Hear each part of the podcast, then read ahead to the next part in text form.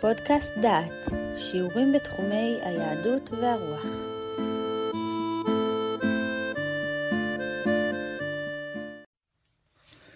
אתם מאזינים לפודקאסט דעת, לפרק בקורס רבי נחמן מברסלב, חייו וסיפוריו. בשיחה זו נפרש את הסיפור ששמענו בשיחה הקודמת, מעשה בחכם ובתם. הסיפור הוא סיפור מקיף, הוא אחד המרכזיים והניתנים להבנה בסיפורי רבי נחמן ברסלב, ועכשיו נפרש את הסיפור. אם לא שמעתם את הסיפור, אני ממליץ לחזור לשיחה הקודמת, לשמוע את הסיפור, ואחר כך להמשיך כאן. פירוש לסיפור מעשה בחכם ובתם. בניתוח שנעשה נעמוד על המקורות הפילוסופיים של הסיפור מעשה בחכם ובתם. סיפור זה שהוא פשוט לכאורה וניתן לפענוח בנקל, מכיל בקרבו יסודות רבים מתוך ספר הכוזרי של רבי יהודה הלוי. עד כי אפשר לומר כי שתי הדמויות המרכזיות שבסיפור, החכם והתם, מסמלות את שתי הדמויות המרכזיות שבספר הכוזרי. התם הוא המאמין התמים, זו הדמות האידיאלית שספר הכוזרי מעמיד כמטרה למי שלא איבד את יכולתו להאמין בתמימות, והחכם הוא-הוא הפילוסוף העומד ברקע הדיון של כל ספר הכוזרי. אותו פילוסוף אריסטוטלי, המאמין אך ורק בכוח הניתוח ההגיוני של מחקריו, הכופר בנבואה ובהתגלות אלוהים, ויתרה מזו, הוא כופר באפשרות שאלוהים מתגלה לבני אדם. רבי יהודה הלוי, שחי במאה ה-12, כתב את ספר הכוזרי כוויכוח פילוסופי. בספר הכוזרי היו שתי מטרות, אחת ויכוח עם הקראים והאחרת ויכוח עם הפילוסופים. אנחנו פה נשתמש באותם חלקים של ספר הכוזרי שהוא מתווכח עם הפילוסופיה.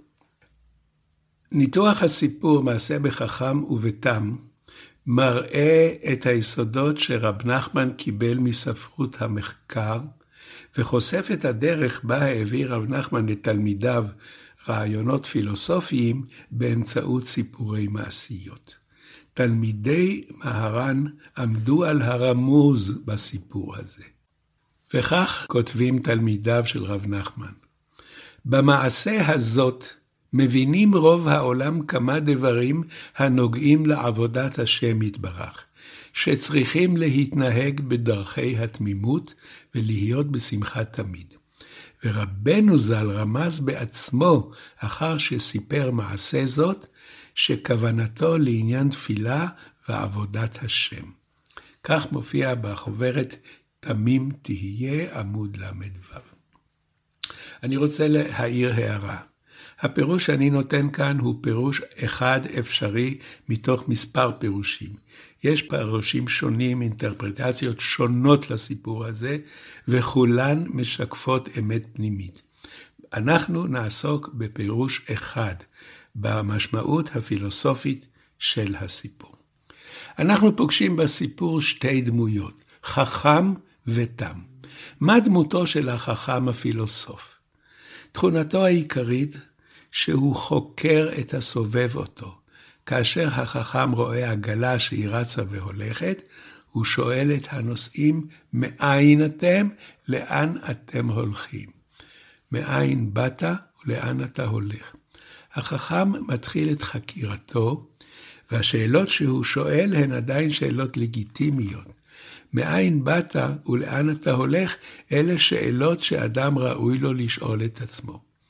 מעט מעט משתנה אופי השאלות, והן הופכות לשאלות מסוג אחר. מה למעלה, מה למטה. שאלות שהשואל אותן, ראוי לו שלא בא לעולם.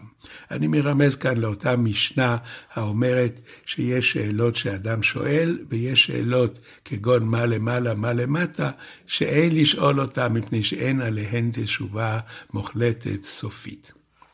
השאלות בדבר מקורו של העולם ותכליתו, הן שאלות יסוד של כל חקירה פילוסופית. הפילוסוף המציג את אמונתו בספר הכוזרי, פותח בתשובה בשתי שאלות אלה. האלוה הוא אמנם עילת העילות בהתכוות כל נברא, אך הנברא לא בכוונה מאת האלוה נתהווה. החכם הולך ומזכיר את עצמו אצל בעל בית אחד. את הקטע הזה דילגתי בסיפור, אבל אנחנו יכולים לשמוע מה, מה היה בו. בעל הבית הזה עושה עמו מלאכות כבדות, והיה שולחו לאדונים לשאת סחורה. ולפעמים היה צריך לעלות עם המסע על עליות הגבוהות, והיה קשה עליו העבודה. בעל הבית שולח את האדם לבצע עבודות קשות. עובד האלוקים צריך לצאת בשליחות לאחרים, ועליו לשאת מסע כבד, עליו לעלות לעליות גבוהות. אנחנו רואים פה תמונת עולם של אדם שעובד את האלוהים, והוא צריך להתרומם לעליות גבוהות, לדרגות גבוהות. הבעיה היא שהפילוסוף אינו מעוניין לשאת מסע. איך אומר הכוזרי בספר הכוזרי הפילוסוף? אל תחוש באיזה מין ממיני העבודה אתה עובד לאלוה, או איך תתפלל ואיך תשבח, באיזה דיבור ובאיזה לשון ובאילו מעשים. ואם תרצה, בדה לך דת, ושים מגמתך וכוונתך זיכוך נפשך. כן, הפילוסוף הוא הניגוד של מה שתואר קודם. קודם תואר האיש, הוא נושא מסעות כבדים, והוא הולך לבני אדם, והוא משתדל לעלות לדרגות גבוהות.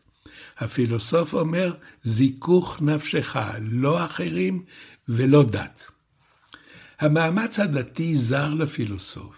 אין הוא מכיר בציווי המחייב מעשה, ואין הוא מוכן לעשות מאמץ שבעקבותיו עולים לעליות הגבוהות.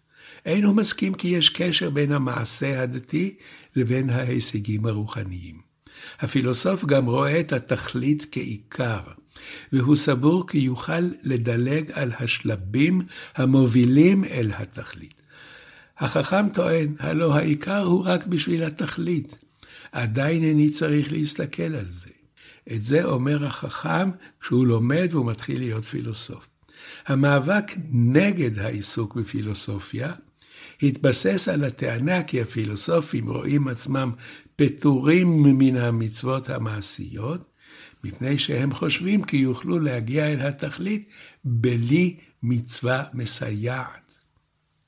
באיגרת יוסף בן טרודרוס, שעוסק בוויכוח עם הפילוסופיה, הוא כותב כך: כי גם ערב רב ואספסוף, כל אחד בעיניו פילוסוף. גם הצאן והבקר פשטו ידיהם בעיקר להוציא זולל מיקר, לנהוג בדברים של קודש מנהג חולין, ופטורים מן התפילה ומן התפילין, כי הנה כל המחזיקים בספר הזה, הוא מתכוון למורה נבוכים, עושים תורה פלסתר, והאווירה שבצנעה נעשתה כהיתר. אז יש לנו כאן כתיבה פיוטית בחרוזים, עוקץ כבד מאוד נגד מורה נבוכים, שהוא נותן תירוץ לאנשים לדלג על שלב הביניים, על שלב המצוות, כי הם יכולים להגיע מיד לשלב הסופי של התחברות לקדושה. הפילוסוף הורס את ביתו. הכוח ההרסני של הפילוסוף אינו בא לידי ביטוי רק ביחסו אל העולם הסובב אותו. התם היה מסוגל לרשת את בית אביו, פירוש לקבל את מסורת אבותיו, והפילוסוף ששוטט בעולם לא היה מלקבל את הבית. הפילוסוף הורס גם את ביתו שלו. כאשר הוא חוזר לביתו הוא מגלה כי נעשה קלה ואבוד בית החכם, ולא נשאר ממנו כלום, ולא היה לחכם מקום להיכנס בו בבואו, והחכם מלא ייסורים תמיד. ועכשיו נשמע שורות של רבי יהודה הלוי, לא מתוך ספר הכוזרי, אלא מתוך השירים שהוא חיבר.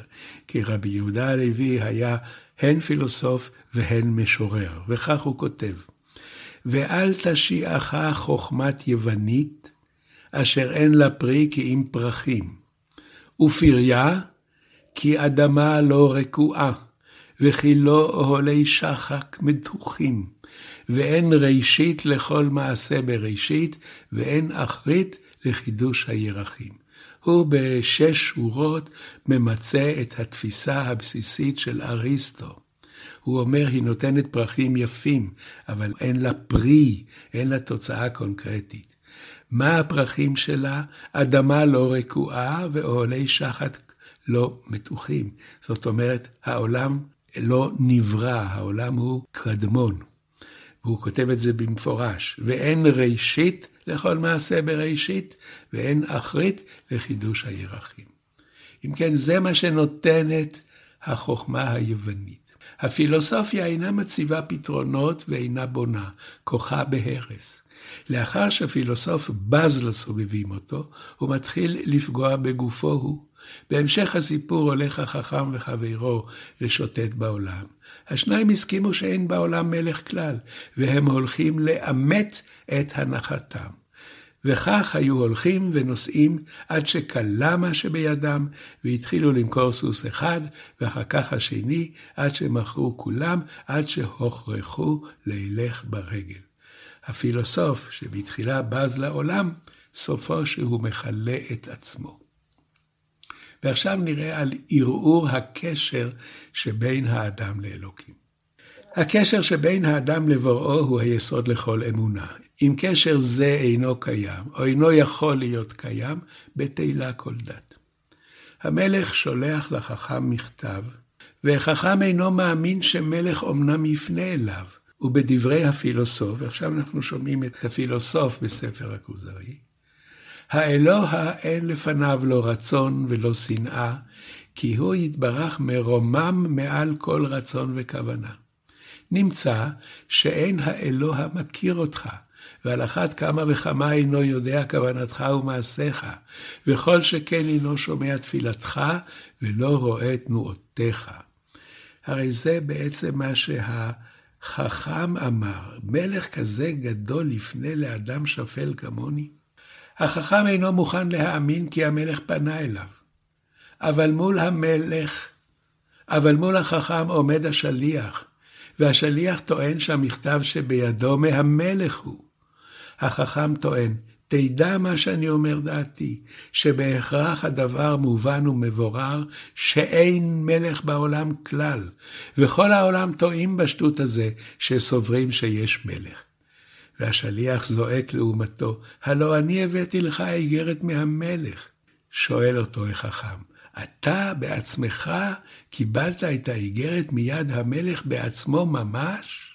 את העימות הסופי יקבל החכם בסוף הסיפור, אבל גם שם לא ייפגש עם המלך. הוא יאמין בכוחו של הרוחני, כאשר בעל שם שהוא בז לו, יגאל אותו מייסוריו. העיקרון נשמר, החכם מאמין בשליח ובאמצעותו בבורא. לחכם לא יהיה קשר ישיר אל האלוקים.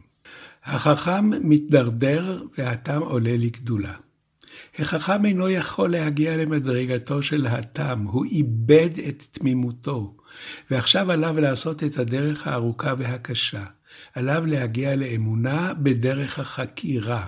עליו למצוא דרכים לאמת את הדברים שהתם הגיע אליהם בלא קושי ובלא סיבוך. התם גוער בחכם, הלא אני בעצמי ראיתי את המלך. ואילו החכם שהחל לחקור אינו זוכה לראות את המלך, הוא רואה את שליחיו.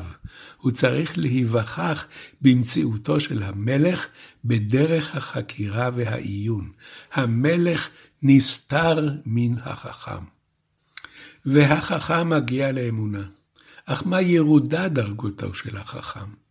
לאחר שהחכם מסרב להאמין בקיומו של המלך, כופר הוא גם בקיומו של כוח רוחני כלשהו. מה לעשות, הטייבל, השד, שהוא לא אדם, הוא כוח רוחני, שלילי, אבל כוח רוחני. הוא מושך אחריו את החכם ומשקיעו בבוץ. והרפש היה עב ודבוק, ממש כמו דבק ממש. ולא היו יכולים לזוז עצמם כלל בתוך הרפש, והיו מתייסרים שם בעינויים גדולים כמה שנים. סופו של החכם שהוא שקוע בבוץ בלא יכולת לזוז.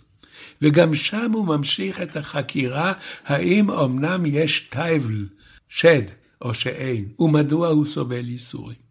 הייסורים והשקיעה בבוץ, שני פנים להם.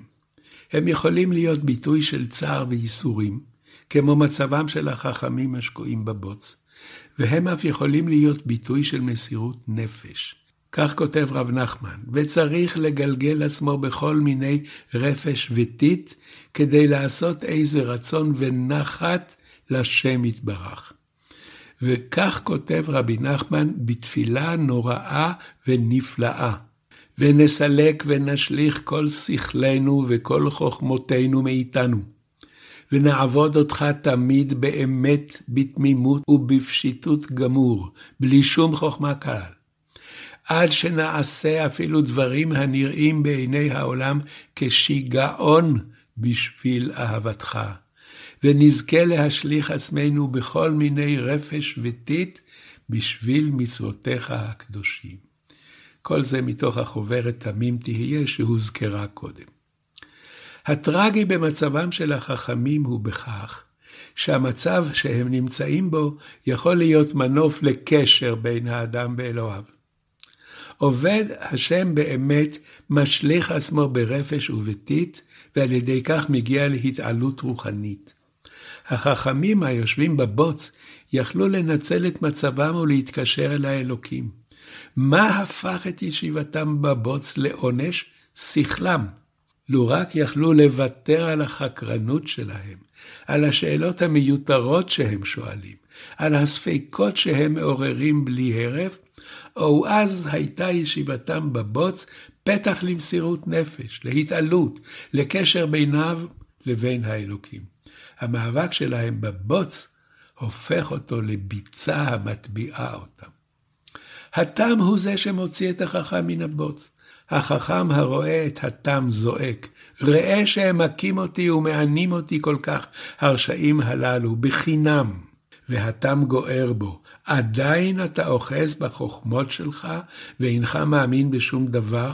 התם מבקש מבעל שם שיוציא את החכם מן הבוץ, ויראה לו כי הטייבל הוא זה שתפס אותו, והוא זה המענה אותו. הטייבל אמרנו זה כוחות הרע, זה הדמיון, זה התאווה, זה הלא כלום שמשתלט על האדם. רק לאחר שהבעל שם מציל את החכם, אז ראה החכם והוכרח בעל כורחו להודות על הכל שיש מלך וכולי. ה"וכולי" הזה הוא דרמטי. תשלים אתה הקורא על מה הודה החכם. ואני עכשיו קורא קטע מספר הכוזרי.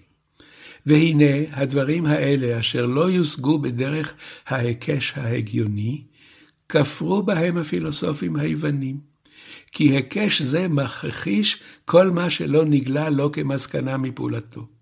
הנביאים, לעומת זאת, אישרו את הדברים, כי לא יכלו להכחיש מה שראו בעין הרוחנית שניחנו בה. ואילו ראו הפילוסופים היוונים את הנביאים בשעת נבואתם, ואת המופתים אשר עשו, היו מודים בהם. הכוזרי קובע, הנבואה היא דרגה גבוהה יותר מאשר הפילוסופיה.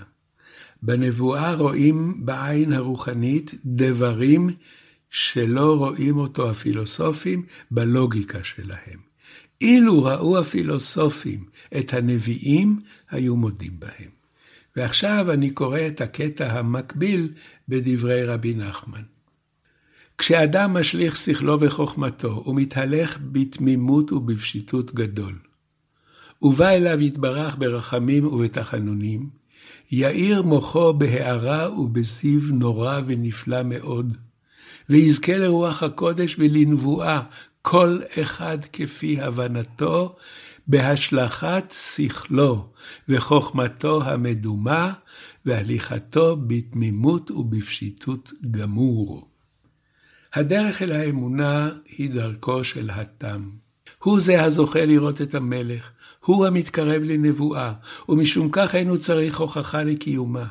החכם מצליח להוכיח כי איש לא ראה את המלך, וכל מה שהוא פוגש פגישה בלתי אמצעית זה הטייבל, השד, שאיננו קיים, אבל הוא מושך את החכם אחריו ומענה אותו כמה שנים.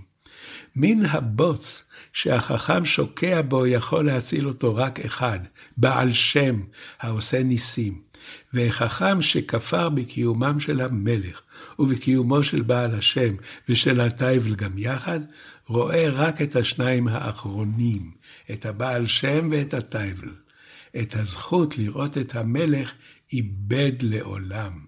את המלך רואים רק התמימים.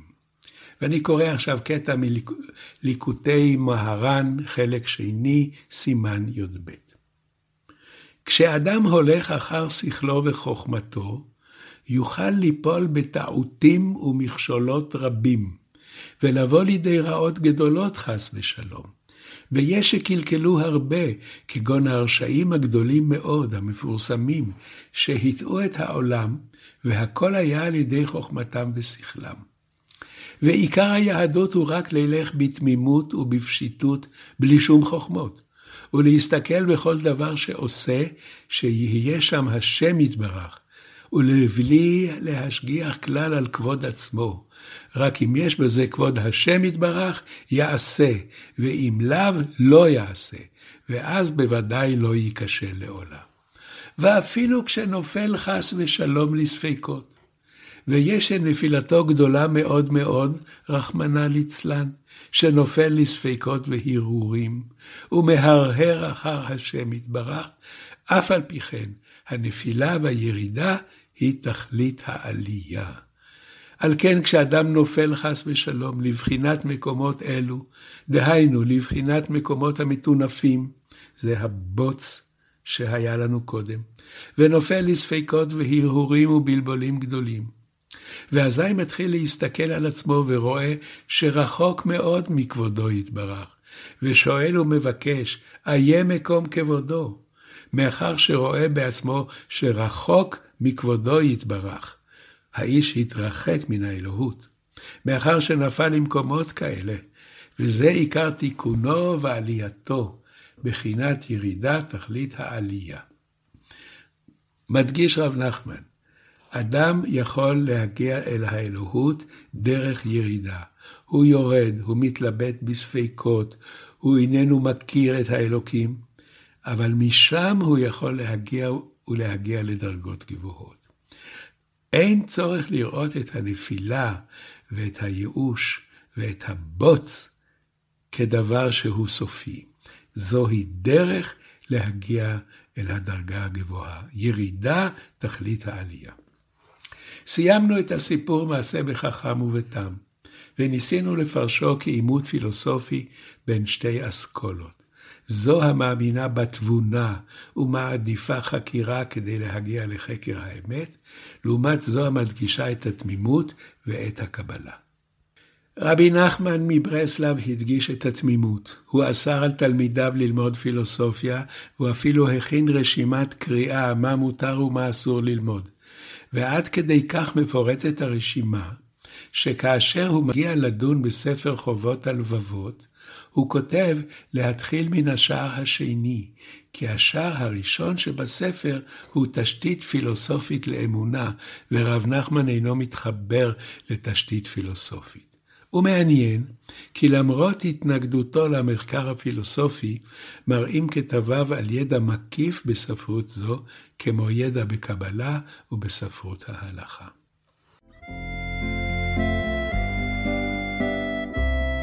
שמעתם שיעור מתוך הקורס רבי נחמן מברסלב חייו וסיפוריו מאת יהודה אייזנברג. את הקורס המלא ניתן לשמוע באתר דעת במדור פודקאסט.